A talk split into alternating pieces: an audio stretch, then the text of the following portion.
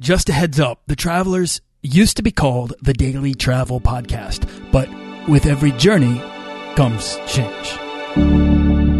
This podcast is produced by Holocene, a community of creative travelers. If you want to get serious about planning that next trip, writing that book, starting that creative project, or launching that business, we're breaking down the barriers between where you are where you want to be together at joinholocene.com. That's join, H O L O C E N E.com. This is part two of my conversation with Everything Everywhere's Gary Arndt. Do you want to travel further and more often to visit new places and meet new people and expand the role that travel plays in your life? I'm your guide, Nathaniel Boyle, an explorer that wants to help you get out, see the world, and find meaningful, life changing experiences. Everyone wants to be adventurous and have great stories, to do the stuff of legend. This is the Daily Travel Podcast. Each week, we send out a newsletter with three deals, resources, or guides to help you take the steps towards building a life of travel, whatever that means to you. What's stopping you from finally taking that trip or making that change in your life? I'm making travel easier to plan and cheaper to do. I'm here to help. I want you to come home with the best stories from your travels, but you have to put yourself in the position to let those stories happen to you. That's what this show is about. That's what I want to help you to do. So if that sounds good to you, then let's make a legend out of life. In yesterday's session, Gary Arndt from EverythingEverywhere.com shared with us how he went from software entrepreneur to world traveler, earning six figures from his blog and traveling to over 160 countries in seven years. If you want to create a life of travel, there are few people more accomplished than Gary in travel blogging entrepreneurship. Uh, have a listen to part one if you haven't already, or sit back and enjoy part two of my conversation with Gary Arndt from EverythingEverywhere.com. So, is there somewhere in the world, a country or a destination or a territory in the world that you might recommend people consider visiting, but are not currently because of a bad reputation? A good example might be, although I don't think this uh, holds true anymore. But in, I think it was 2004, the bomb that went off in Bali uh, really ravaged their economy because their economy relies so heavily on tourism. Um, and I'm wondering if maybe you could think of another example of a country that could use probably more tourists, but isn't getting them because people are afraid of them. You know, right now is a great time to go to Egypt. You know, a lot of the, the things that happened in Egypt all happened in Cairo and it happened in a couple square blocks of Cairo in Tahrir Square. If you were to go to some place like Aswan or Luxor, which are very reliant on tourists, um, there's all sorts of security in place, and a lot of what was happening had nothing to do with Westerners or tourists at all. It was different factions fighting against each other. Uh, so most of the country is, is still very safe, safe as it ever was, and because people are avoiding it right now, you can find great deals. They recently had a military coup in Thailand, which I actually think probably made the country safer, not more dangerous. But people hear coup and they they run away. And uh, I was friends with a woman online, and she said, "Well, should I still go to Thailand?" I was like, "Absolutely, you should go to Thailand." If anything, you probably find better deals now than you could before. And she came back and she's like, "Yeah, you're right. I, I didn't even know that anything had happened. Yeah, you know, it's just, it's only in the news." A better a better question is, where wouldn't I travel right now? And I think that is, you know, anything controlled by ISIS, probably don't want to go there. Yes. Um, you know, parts of any place there's an active war going on, I would not want to visit. I don't want to be a war correspondent. I don't want to be a martyr for blogging. Um, I'd stay away from those places. So you're looking at, you know, areas of Syria and parts of Iraq.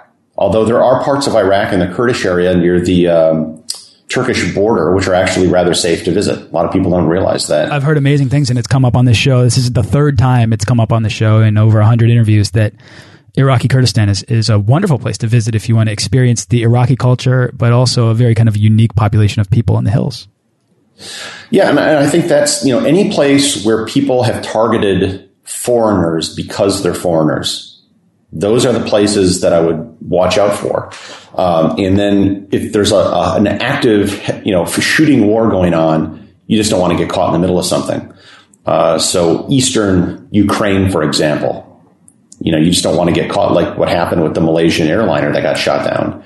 Uh, just, just stay away from it. But that being said, I think if you go to Western Ukraine, there's nothing happening there right now.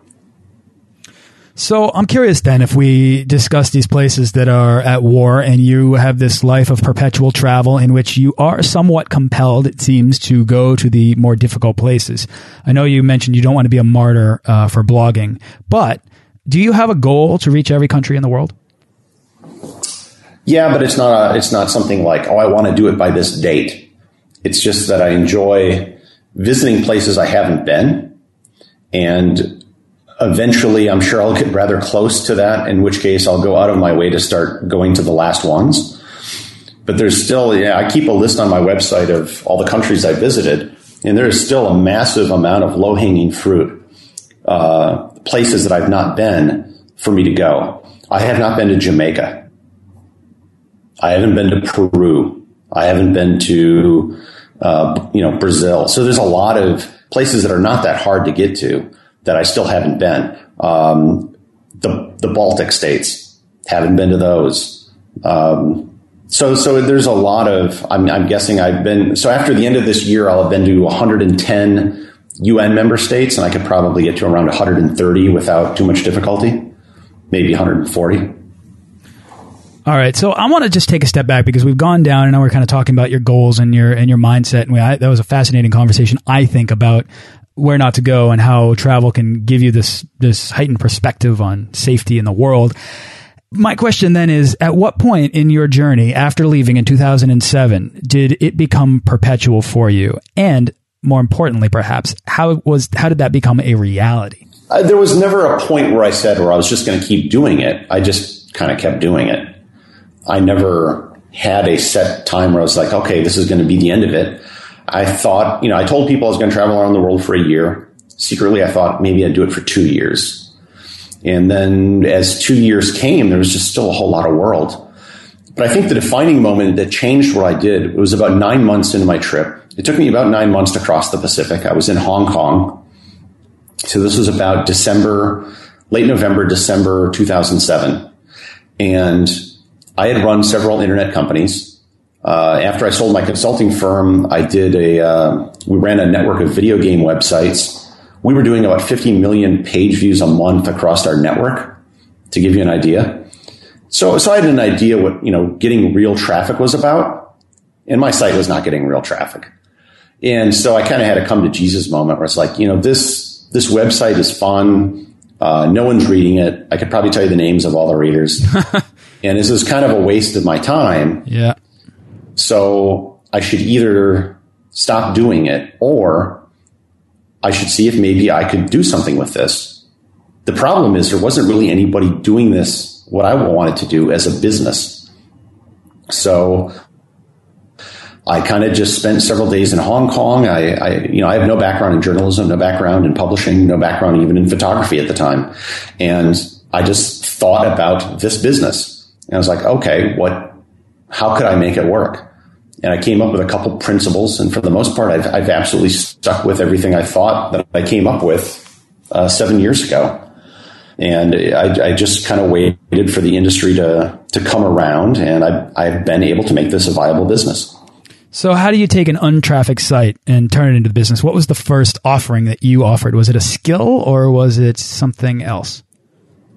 Uh, well, what I did is I went to a newsstand in Hong Kong, and I bought every travel magazine, bought all of them, and I opened up a spreadsheet and I did an analysis of why people were buying these magazines. What I found, guess how many times a country is mentioned editorially in one of the top travel magazines, and this is Condé Nast Traveler, Travel and Leisure, or National Geographic Traveler, meaning they mentioned a hotel in a, a different country, a restaurant or something, or they mentioned the country itself.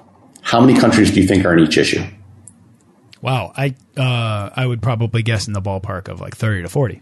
That's a good guess. It's I thirty five. Okay. Most people do not visit thirty five countries in their life. Yeah, right. Let alone a month. right?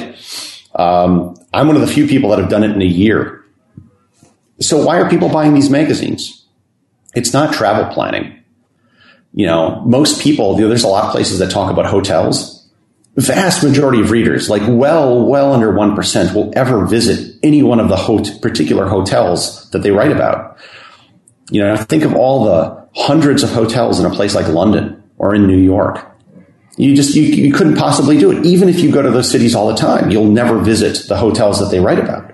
So why are people reading these magazines? To live vicariously. Information. Exactly. It's pornography. what is porn? Porn is watching people do things that you'll never do to people you'll never do. right. Travel pornography is watching people go to places you'll never go and do things you'll never do. And so, and then I, and then the other thing I realized was it's like pornography. It's highly visual. What's at the front of the cover of every magazine? You know, it's some sexy image. It's an infinity pool. It's someplace in Italy. So that's when I began. It's like, all right, I'm going to become better at photography. And I started posting a photo every day on my website. And the first ones were pretty awful. Uh, I look back on them now and I cringe. And I just sort of, you know, at the time, the metric I think for a lot of blogs were RSS subscribers. So you'd have a FeedBurner number, and that, that's kind of died out. I've, I've, taken mine off my site. It's not a big thing anymore. But so I, I began saying, and I, a couple other things I figured out right away was subscribers are more important than traffic. I wanted to have a sponsorship model and uh, there were there was a host of reasons for both of those decisions. And as things changed, as Twitter became more important and Facebook did, and, and different social media, the idea that subscribers or followers were more important than raw traffic is something I've always stuck with because you want people to be personally invested in you. Uh, the whole idea of travel pornography is something I've stuck with. You know, I, am still doing photography. Uh, I've been winning, you know, major travel journalism awards as a result of it. It's probably what people know me for best. And the idea of the sponsorships being at the core of my business is something I've stuck with because I don't want to be in a position where I'm constantly having to sell or make new products all the time. This allows me to travel because it cuts down on the whole sales cycle. And those are those are three core things that I've always stuck with and I just kind of waited for the rest of the industry to catch up to what I was doing.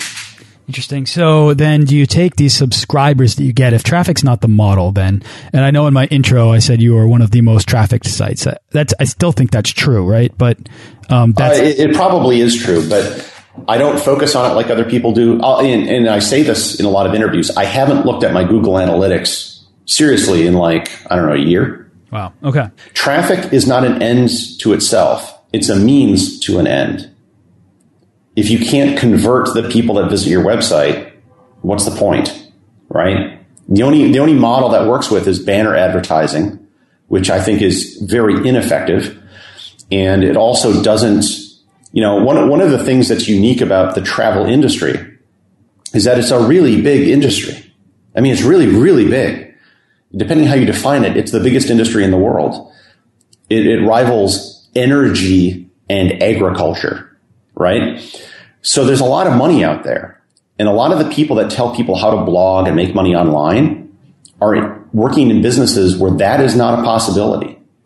And so by focusing on sponsorships, it is something that I can do in the travel industry that they can't do if they're just teaching people how to make money online or how to blog. Exactly. Because that isn't an option for them. So they've never even thought about it. Now that actually right there resonated with me, having just come from a conference with a background in new media. I'm, I'm listening to you talk and I'm thinking, well, this is interesting because the travel industry really is its own beast. It's its own thing. Uh, and, and the opportunities are different. One of the reasons I'm doing this show is to, uh, pursue the dream of finding opportunities to make travel a bigger part of my life while also being able to take care of my family, let's say. So talking about you know fulfilling dreams or whatever i mean do you try to help the people that are your subscribers or how have you then used your subscribers uh, to create a business because this is very different model that you're sort of eschewing right here than most of my guests who come on and talk about freelancing or writing Oh, it depends what you mean by help. I certainly get emails all the time from people that say, "Hey, we visited this place because we we saw you know you had a picture of it,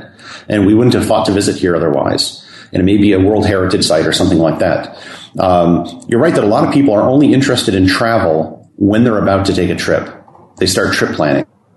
And in between that, they're not as interested. And that also makes travel very different from, say, food sites or fashion sites. People eat every day. People wear clothes every day, but people don't travel every day. In fact, they may not travel every year. Uh, so what I've noticed is that the, the desire for travel is quite broad, but people's active engagement is in it is not necessarily very deep. Or if it is, it's only occasionally deep when they're about to go on a trip. And I think that once you have, so the, the whole point of getting subscribers is getting attention, getting people's attention. And what I always tell people is go to your browser and go look at your history in your browser from the last 48 hours and look at how many websites you visited. It will probably shock you. And most of those sites, you are not an active follower of that site. You went there for a bit of information. Someone sent you a link. You checked it out. You left. Um, but you're not paying attention to that. And attention really is the currency of the internet. That's what everybody wants. Most brands have a difficult time because, quite frankly, I don't, I don't want to talk to my toothpaste. You know, it's not something I'm actively going to follow. I want it to be at the store when I need it, and then I'm done. But a human being, an actual person who's traveling, that's someone you can relate to. It's someone you can talk to, you can ask questions to. And so, yeah, I do answer questions. I do help people. My site is not a consumer help site like, like others are.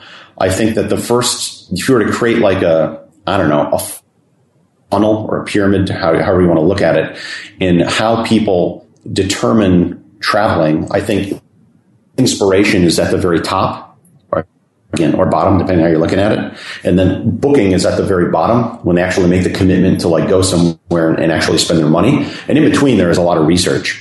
And I clearly see myself at the very top of it where people are getting ideas and inspiration and developing the desire to go. Interesting. That might be where this show fits in, listening to what you have to talk about. But um, so subscribers do they they help you what maintain a degree of control over and well not necessarily control but you you can engage with them more easily than traffic which is kind of this phantom uh, phantom visitation to your site. But does that help you then attain sponsorship opportunities? Yeah. I mean i mean think about it. Why do people spend money with magazines? It's because of their circulation numbers. Why do people buy ads on television? Why do super bowl ads cost so much money? It's because they have an audience right? People are paying attention. Uh, same thing. Like I said, the, the only difference between traffic and and audience is the difference between window shopping and buying something in a store. Window shopping is not a bad thing. I'm not saying traffic's a bad thing. If someone wants to give me more traffic, I'll take it. But the value of that traffic comes from, hey, I want to hear more of what Gary has to say in the future. I think he's interesting. Uh, I want to hear more of that. That's my goal. And once I can get more of those people, then I can, you know, then I, then I have an audience, a real audience of people who know who I am and care about what I have to say. So if you are a channel, then if you Gary Arndt is a channel that has a number of subscribers that uh, you know that show up and that uh, appeal to companies that want to effectively advertise with you, uh, how would you recommend somebody else goes about uh, building a similar model to you? Because that to me sounds like an extremely slow thing to build. It is. I didn't make any money for like the first four or five years I was doing this. Nothing.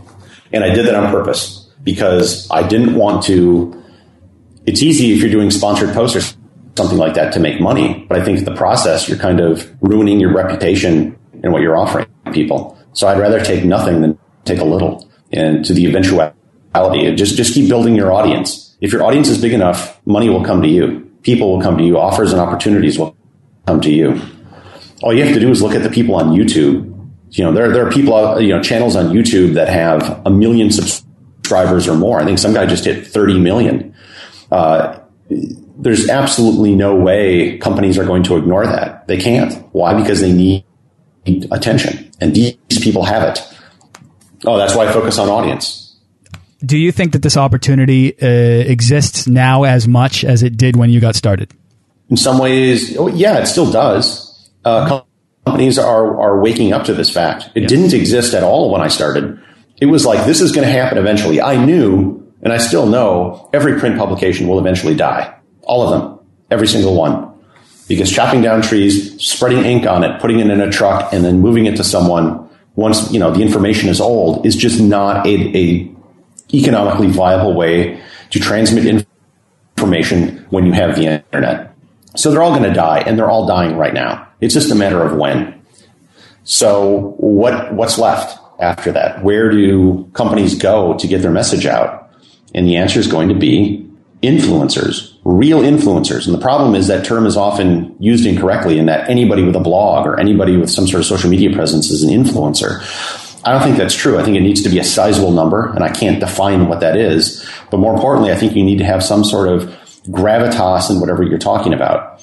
And the longer I've been traveling, the more places I've been, the greater that authority and expertise in the subject of travel becomes for what I do. That was what I was actually about to ask. Exactly, is the credibility that you've built for yourself by uh, essentially living your message and creating this life of travel, uh, of perpetual travel that becomes not only your brand, but uh, but a, a, a, point of pride that you can bring and show up and say, "This is who I am. This is what I do, and it's real." Well, you know, the question that everyone, if you're going to get involved with with online media, is why should anybody care what you have to say?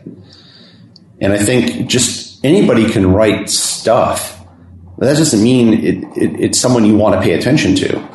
And the longer I've been traveling, the more I think people have, have become, I don't know, impressed or interested in my story. And the more apt they are to listen when I have something to say about the subject area. So then you would probably firmly agree with the statement that anybody that wants to uh, start a travel blog in this case should travel. Anybody that wants to start a business blog should have business. Anybody that wants to Well, you know, that's a that's a great example because there are so many bloggers out there that talk about like entrepreneurship and business and their only business is running a blog telling people how to do business. They, that's the only thing they've ever done. And I'm like, why the hell should I listen to you? You have no experience doing. When I had a business, I had 50 employees working for me. I had a, I had office space and rent I had to pay. I had to make payroll every two weeks, like business stuff, right? And so many of these people, they're telling people how to run a business and they've never run a business. The application of experience and uh, it seems to matter here, but also the application of what you're teaching to other industries can be next to impossible to do without relevant experience. So, anyways, Gary, I want to uh, I need to begin to wrap up here because uh, I know that we're kind of we're hitting our our time limit.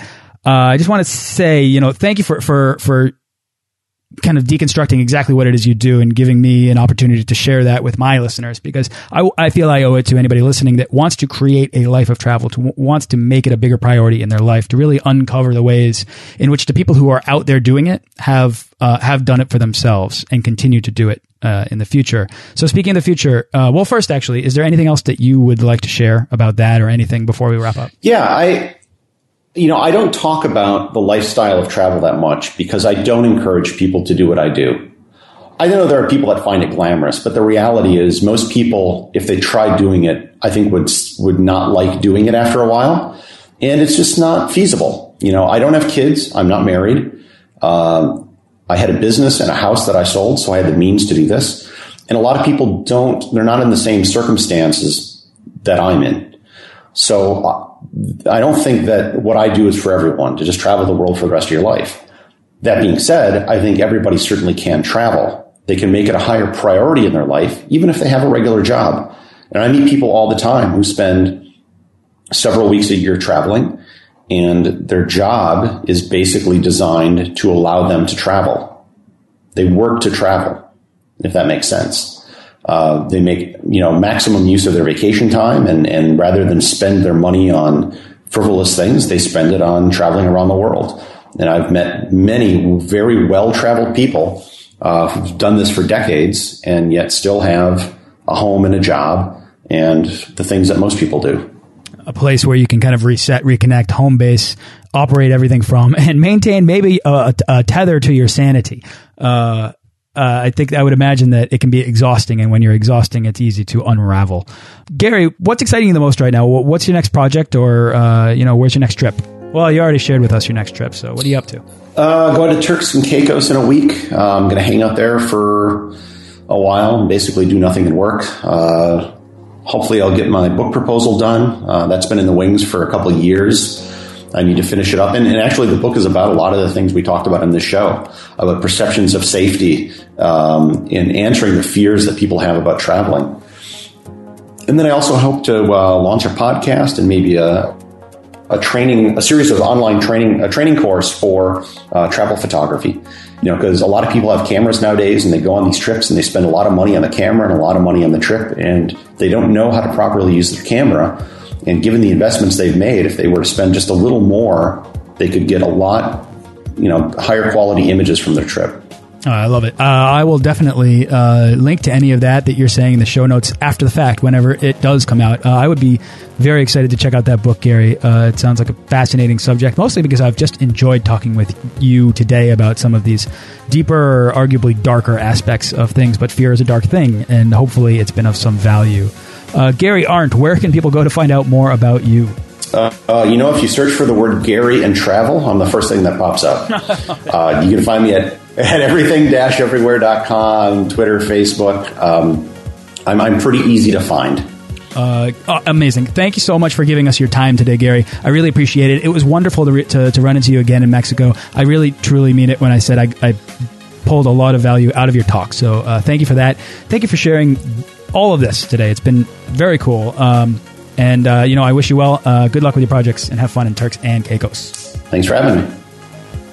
Thanks for listening to this episode of the Daily Travel Podcast. For show notes and links to everything in this episode and more, head on over to dailytravelpodcast.com. Join our Facebook page of explorers and subscribe to our newsletter for the best deals and resources to help make your next trip life changing.